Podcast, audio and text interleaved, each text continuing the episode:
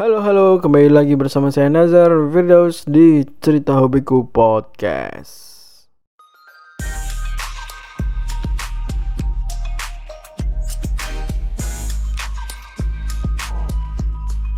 Oke, eh, di kesempatan episode kali ini saya akan berbicara tentang perbedaan dan persamaan. Kelihatannya sama, tapi kok beda. Nah, ini eh, topik apa yang akan saya bicarakan? Eh, jadi ini adalah sebuah topik yang memang sudah lama banyak dipertanyakan, terutama teman-teman saya yang bertanya ini tentang ini gitu, udah dari lama gitu. Jadi eh, perbedaan ya kan, eh, perbedaannya antara J-pop kultur dan K-pop kultur itu bagaimana sebenarnya? Tapi dalam ruang lingkup komunitas ya atau community. Jadi eh, di sini saya akan berbicara tentang eh, sama tapi bedanya J-pop culture dan K-pop culture di segmen community atau kegiatan komunitasnya gitu. Bukan di produknya ya, tapi kalau produk pop culture-nya antara Jepang dan Korea kan ya masyarakat umum juga udah tahu gitu produk eh, seninya apa. Nah, di episode kali ini saya akan membicarakan khusus tentang segmen komunitinya. Karena yang dipertanyakan oleh teman-teman saya dan mungkin eh, kalian semua di luaran sana gitu yang ingin kayaknya sama tapi kok beda gitu. Mempunyai pemikiran seperti itu an- eh, tentang J-pop culture dan K-pop culture. Nah, di sini saya akan menjelaskan berbicara mengenai topik tersebut. Karena ya saya sudah berkecimpung di kedua pop culture ini ya dari eh, dari SMP mungkin SMP SMA sampai sekarang pun masih eh, ada di dua dunia ini di dua pop culture ini gitu. Nah, eh, pertama saya akan menjelaskan apa sih eh, J-pop culture. Nah, J-pop culture di sini itu adalah eh, sebuah budaya pop yang diproduksi oleh negara Jepang. Seperti ya kalian tahu sendiri produk pop culture-nya Jepang, anime, terus eh, manga, live action, musik, terus apalagi eh, teknologi dan lain sebagainya. Nah, sedangkan eh, untuk di K-pop culture itu adalah ya sama-sama budaya pop, cuman eh, budaya pop yang diproduksi oleh Korea. Seperti kalian tahu produknya Korea ya kan, fashion, eh, make up, idol group, eh apalagi banyak lah pokoknya. Nah, sekarang topiknya adalah apa yang menyebabkan mereka itu terlihat sama, tapi kenyataannya itu berbeda di dalam sebuah community, community-nya ya, bukan di dalam produknya ya. Nah, di sini saya akan menjelaskan. Eh, bukannya saya menggurui atau sok tahu, tapi ya ini ha- hanya sekedar sharing, eh, sharing aja selama saya berke- berkecimpung di dunia pop culture ini ya, di antara eh, kedua dunia pop culture ini. Jadi menurut saya eh, kita ngebahas tentang perbedaannya dulu deh. Jadi eh, untuk di segmen community ya, kita berbicara di K-popnya aja dulu, oke?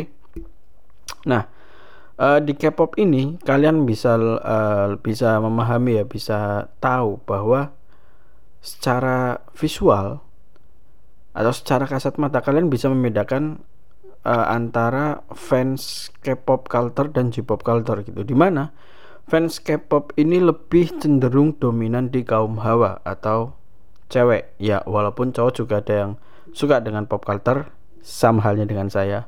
Cuman jumlahnya itu ya bisa dihitung lah. Bisa istilah kasarnya mungkin bisa dihitung daripada eh, jumlah kaum hawa yang menyukai apa K-pop culture ini itu. Nah, terus eh, di di sisi lainnya di dalam lingkup komunitas apa Korean ini K-pop culture ini itu mereka menurut saya itu hanya apa ya ya ya sebatas hobi dan bersenang-senang. Ya sama sih sebenarnya uh, budaya pop itu kan memang dibuat untuk uh, dijadikan sebagai hobi dan uh, untuk bersenang-senang gitu cuma nanti akan saya jelaskan di mana uh, sebatas hobi dan senang-senangnya antara K-pop culture dan J-pop culture ini bedanya ada di mana uh, nanti saya akan jelaskan terus uh, selanjutnya di sisi lain juga di mana di dalam sebuah pop culture antara Jepang sama Korea itu uh, ada yang namanya idol group ya.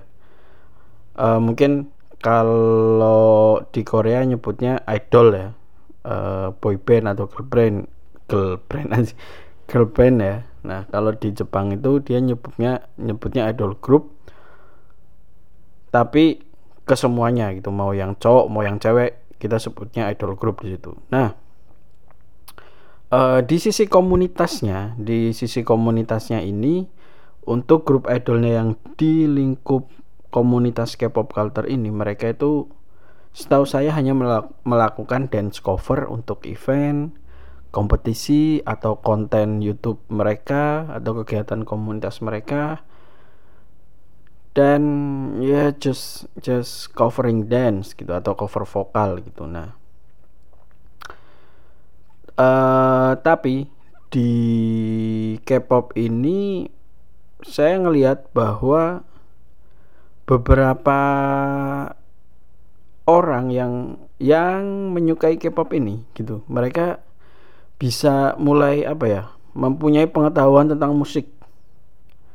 Entah itu cara produksi musik terus uh, teknik vokal dan lain sebagainya. Karena mereka karena di apa namanya di entertainment Korea itu banyak sekali acara-acara atau televisi yang menayangkan survival group atau ya acara-acara tentang idol group gitu kan. Uh, produce contohnya kayak Produce 101, Produce 48, terus apalagi uh, K-pop star dan lain sebagainya yang mengedepankan tentang pengetahuan musik gitu ya, musik dan koreografi jadi buat para penikmat K-pop ini uh, khususnya ya kan itu mereka uh, sedikit lebih mengetahui tentang teknik-teknik koreografi dan musik apalagi pelaku dance cover atau dance vokal. Eh dance vokal atau pelaku cover apa cover vokal gitu. Gitu sih secara garis besarnya. Dan apalagi uh, untuk di K-pop ini oh ya untuk event di K-pop ini itu uh, lebih cenderung ke satu apa ya satu genre ya. Karena seperti yang kalian tahu kalau kalian datang ke event K-pop itu eventnya event intinya itu hanya dance cover terus singing cover terus uh, apa lagi? Mungkin apa ya? Ya setauku sih cuma cuma dua itu ya acara inti dari K-pop culture gitu ya event K-pop itu di stage-nya itu cuma dua. Dance cover competition atau uh, dance cover performance sama vokal cover competition atau vokal cover performance. Dan selebihnya ya kayak event pada umumnya ada yang jual merchandise ada yang buka uh, booth community dan lain sebagainya gitu. Sama seperti event-event pada umumnya. Dan ya seperti yang kalian tahu kalau kalian datang ke acara event K-pop itu karena akan lebih banyak menemui uh, kaum hawa ya daripada kaum prianya. Ya mau gimana lagi? Karena uh, apa ya? Ya udah dari sononya gitu. Udah mungkin udah dari sononya emang K-pop ini pasarnya lebih ke kaum hawa. Untuk di Indonesia. Nah, sekarang kita berpindah ke J-pop culture ya, oke? Okay? Nah, uh, untuk di J-pop culture ini untuk masanya kalau tadi di K-pop itu lebih cenderung ke kaum hawa. Nah, di J-pop ini lebih cenderung ke kaum adam atau pria gitu. Bahkan kayaknya saat ini itu antara apa jumlah kaum Adam dan kaum Hawa di circle J-pop culture itu hampir sama tidak tumpang tindih maksudnya jauhnya itu tidak terlalu apa sparenya itu tidak terlalu jauh gitu. Nah, di sisi lain di kalau tadi kan menurut menurut saya itu kan K-pop culture di segmen komunitas itu mereka hanya sebatas hobi dan senang-senang menurut saya. Nah, kalau di J-pop culture itu tidak hanya sebuah hobi gitu. Selama ini saya melihat di apa ya di circle Jepangan gitu kan itu mereka tidak hanya sekedar hobi tapi mereka juga bisa berkarya dan menghasilkan dari kesukaannya dia terhadap budaya pop Jepang ini gitu contohnya adalah uh, ya mungkin ini karena uh, backgroundnya apa J-pop culture itu tidak hanya satu genre ya melainkan banyak banget genre jadi eh, pasar untuk di circle dalam Jepangannya itu emang pasarnya emang emang segmennya emang lebih besar daripada K-pop gitu. Kalau di dalam circle-nya Jepangannya sendiri loh ya, tapi kalau di luarnya ya entah. Nah, tapi kalau dalam circle-nya itu uh, kita, seperti yang kalian tahu lah di event Jepangan itu kan isinya macam-macam ya, nggak hanya uh, apa namanya cosplay terus uh, event apa namanya lomba-lomba cover dan lain sebagainya. Mereka ada uh, apa istilahnya acara lain gitu. Acara lainnya ya kayak band-band gitu kan yang mana uh, kalian tidak akan dapatkan di event K-pop gitu jadi di event J-pop ini uh, panggungnya bakalan ada instrumental untuk penampilan band. Nah, ya contoh contoh simpelnya sih itu sih. nah gitu. Terus uh, yang tadi saya perbincangkan bahwa mereka itu tidak hanya sekedar hobi untuk di circle Jepangannya sendiri gitu ya.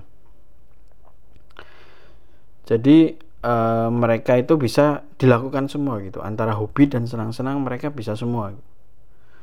Karena seperti yang kalian tahu dunia circle J-pop culture itu macam-macam ya. Ada yang hobi manga ada yang hobi di musik ada yang hobi di idol ada yang hobi di action figure ada yang hobi di uh, apa ilustrator karakter anime ada yang hobi cosplay, ada yang hobi tokusatsu, ada yang hobi super sentai, banyak macamnya. Kalau di dalam uh, circle budaya Jep, apa pop culture Jepang ini banyak banget beda dengan yang Korea. Jadi mereka itu bisa apa ya istilahnya memutar balikan fakta, memutar balikan kenyataan kenyataan bahwa mereka itu juga bisa menghasilkan dari uh, hobinya itu gitu. Next untuk di uh, nah ini sekarang perbedaannya ya.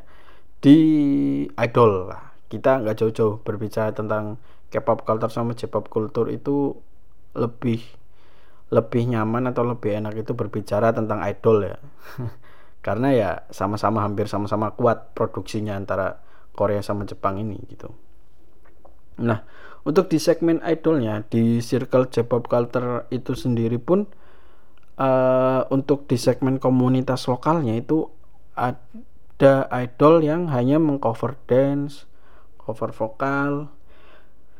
Tapi ada juga idol lokal yang dibentuk oleh beberapa grup komunitas atau bahkan mungkin perseorangan ya untuk diorbitkan menjadi idol lokal dengan membuat karya asli mereka, mereka sendiri gitu atau karya original mereka sendiri.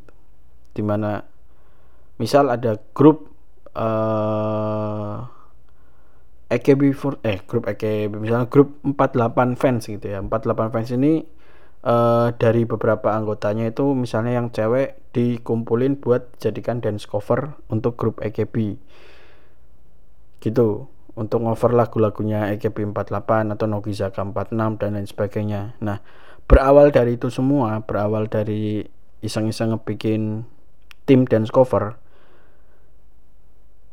di circle Jepangan ini mereka lebih bebas untuk bisa berekspresi ya. Jadi uh, di circle Jepangan ini ada beberapa idol lokal yang memang dibentuk untuk mem rep, mem, rep, apa sih istilahnya mempresentasikan lah ya mem, mempresentasikan kotanya gitu.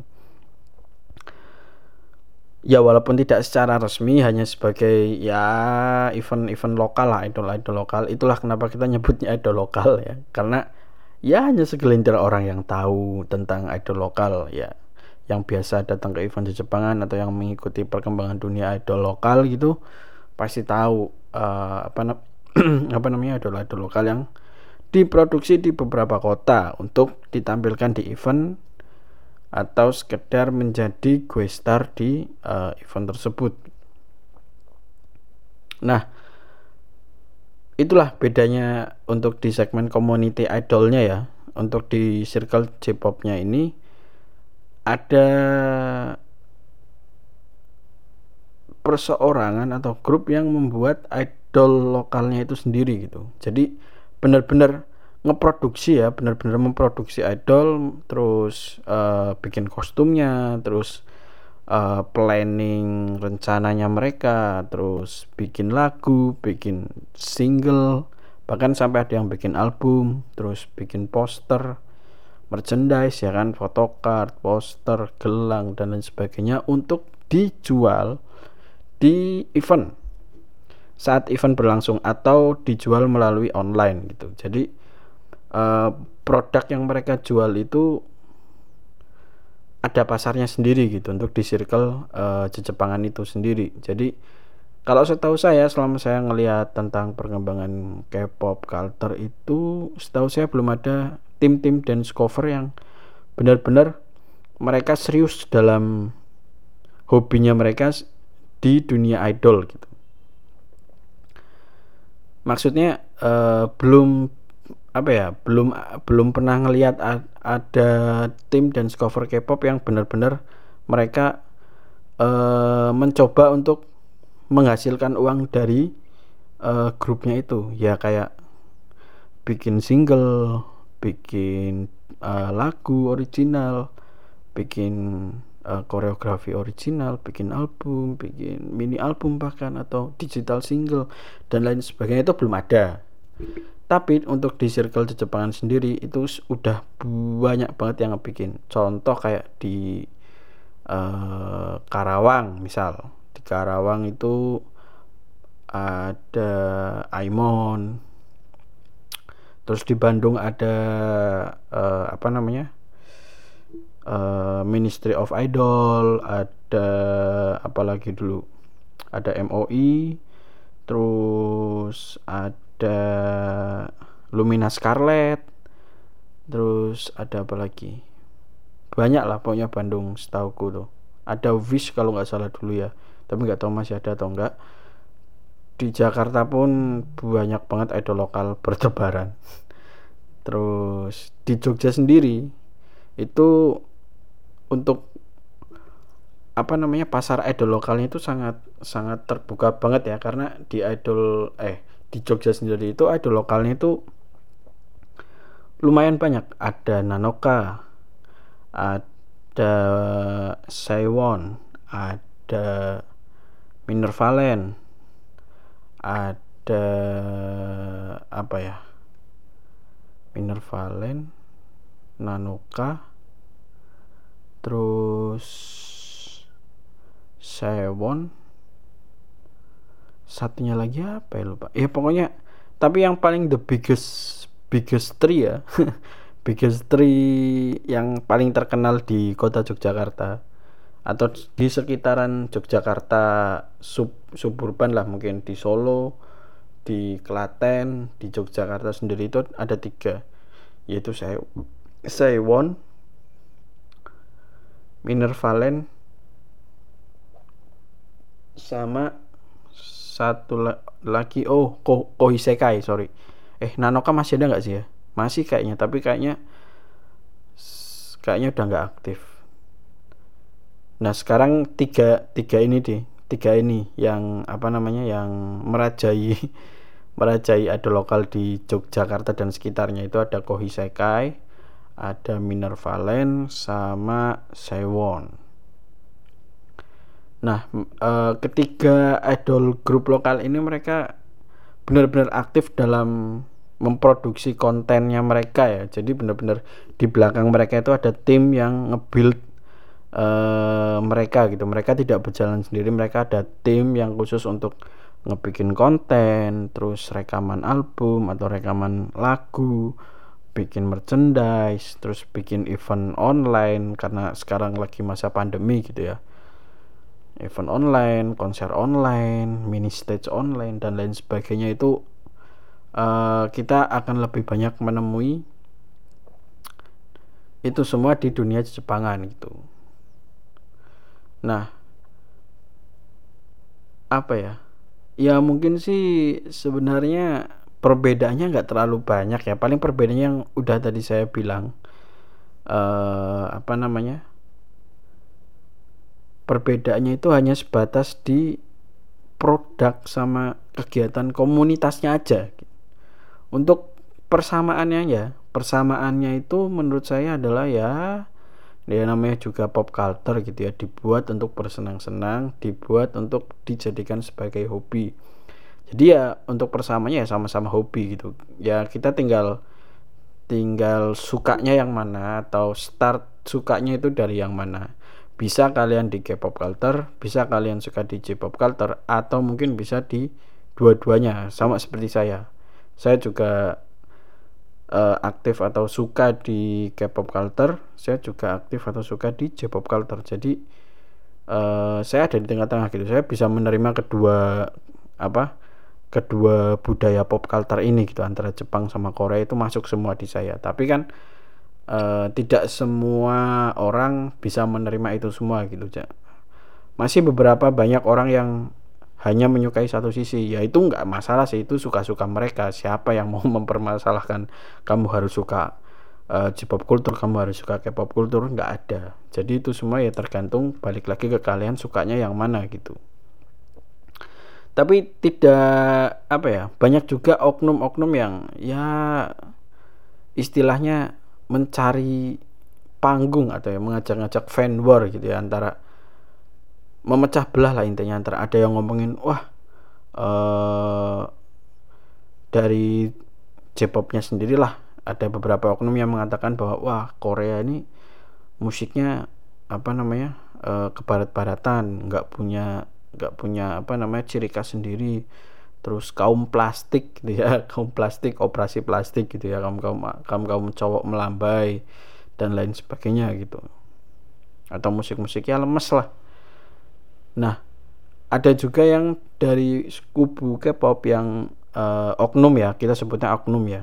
Oknum yang uh, menyebar atau apa istilahnya menjelek-jelekan tentang J-pop culture bahwa J-pop culture itu komunitas yang terlalu otaku banget, terlalu apa ya, terlalu geek, terlalu maniak dan terlalu orang-orang kumpulannya orang-orang aneh gitu. Masa eh, karakter animasi dijadikan pacar. Masa karakter animasi disukai?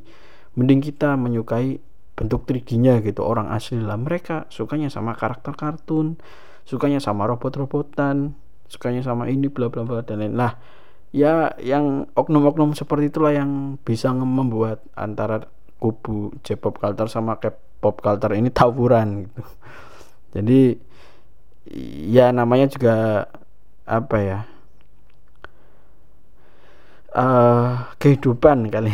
Ya namanya juga kehidupan pop culture gitu kehidupan sebuah hobi. Pasti ada yang ada yang suka ada yang tidak suka ada yang jadi haters. Ya tapi haters kan lebih hate jadi ya biarin aja. Selama haters itu tidak menyinggung sara antara J-pop culture sama K-pop culture itu ya sepele lah nggak masalah lah nggak usah diambil hati. Jadi uh, kembali lagi, saya tidak bisa menentukan atau menyuruh kalian harus suka yang mana. Di circle K-pop culture atau di circle Jepangan gitu. Kalian milihlah kalian boleh sula, suka salah satu atau suka semuanya tapi jangan menjatuhkan atau jangan menjelek-jelekan. Oke kalau kalian memang suka di kalangan apa di budaya K-pop culture ya udah. Kalian fokus di sana ambil positifnya cari teman-teman yang vibe-nya positif. Untuk haters haters gak usah dipedulikan biasa karena haters kan lebih hate yaitu bakalan ada terus selama selama ada produk K-pop apa selama ada produk pop culture ini selama ada hobi ini ya bakalan ada haters gitu terus buat kalian yang suka Jepangan juga tidak usah apa ya istilahnya meneriakan oh Korea ini plastik Korea ini uh, musiknya lembek nggak usah. Itu hanya berlaku untuk haters haters ya hanya untuk berlaku untuk oknum-oknum di circle Jepangan jadi buat kalian yang memang fokus di atau menyukai produk apa pop kulturnya Jepang ya ya udah sukai di situ ambil positif vibe-nya cari komunitas yang positif vibe terus ya sebisa mungkin kalian fokus di hobi kalian ini yang akan ngebawa kalian itu hidupnya lebih berwarna. Asik. Gitu aja guys. Ya karena gimana ya? Karena hidup gak punya hobi itu kayak kayak makan soto nggak pakai kuah gitu ya. Jadi uh, aneh gitu. Kita hidup tapi nggak punya hobi gitu. Nggak punya sesuatu yang ah uh, gitu nggak punya sesuatu yang menarik kita itu kayaknya ada yang kurang. Gitu aja guys. Uh, tema perbincangan podcast kali ini ya mohon maaf. Di podcast kali ini mungkin ada beberapa kata atau sambung kata atau kalimat yang tidak konsisten atau apa namanya banyak kata yang diulang-ulang karena ya di episode kali ini saya spontanitas saja gitu. Saya tidak membuat skrip tidak membuat apa ya istilahnya garis besar topik yang akan dibicarakan itu tidak. Karena jujur saja eh, apa di konten-konten sebelumnya saya itu pasti minimal bikin topik ngetik topik main topik yang akan dibicarakan itu apa jadi bisa terarah. Nah kalau ini pure langsung tag mengutarakan pendapat jadi nggak ngetik uh, skrip intinya obrolan ini atau topik ini tuh mau ke mana itu nggak ada. Jadi ya mohon maaf uh, untuk episode kali ini ya hanya itu itu saja yang bisa saya utarakan. Bisa saya kasih pendapat uh, murni pendapat pribadi ya. Mungkin kalau kalian punya pendapat yang berbeda tentang topik yang sedang saya bahas di episode kali ini kalian bisa hubungi saya atau ya kalian bisa apa istilahnya DM di akun Instagram saya buat ya siapa tahu kalian mempunyai pandangan lain kan apa namanya saya terbuka buat uh, istilahnya pandangan dari orang lain gitu. Selam, ini kan hanya uh, pandangan dari sebelah sisi ya, dari satu sisi ya, dari pandanganku sebagai uh, penikmat produk J-pop kultur dan K-pop kultur gitu.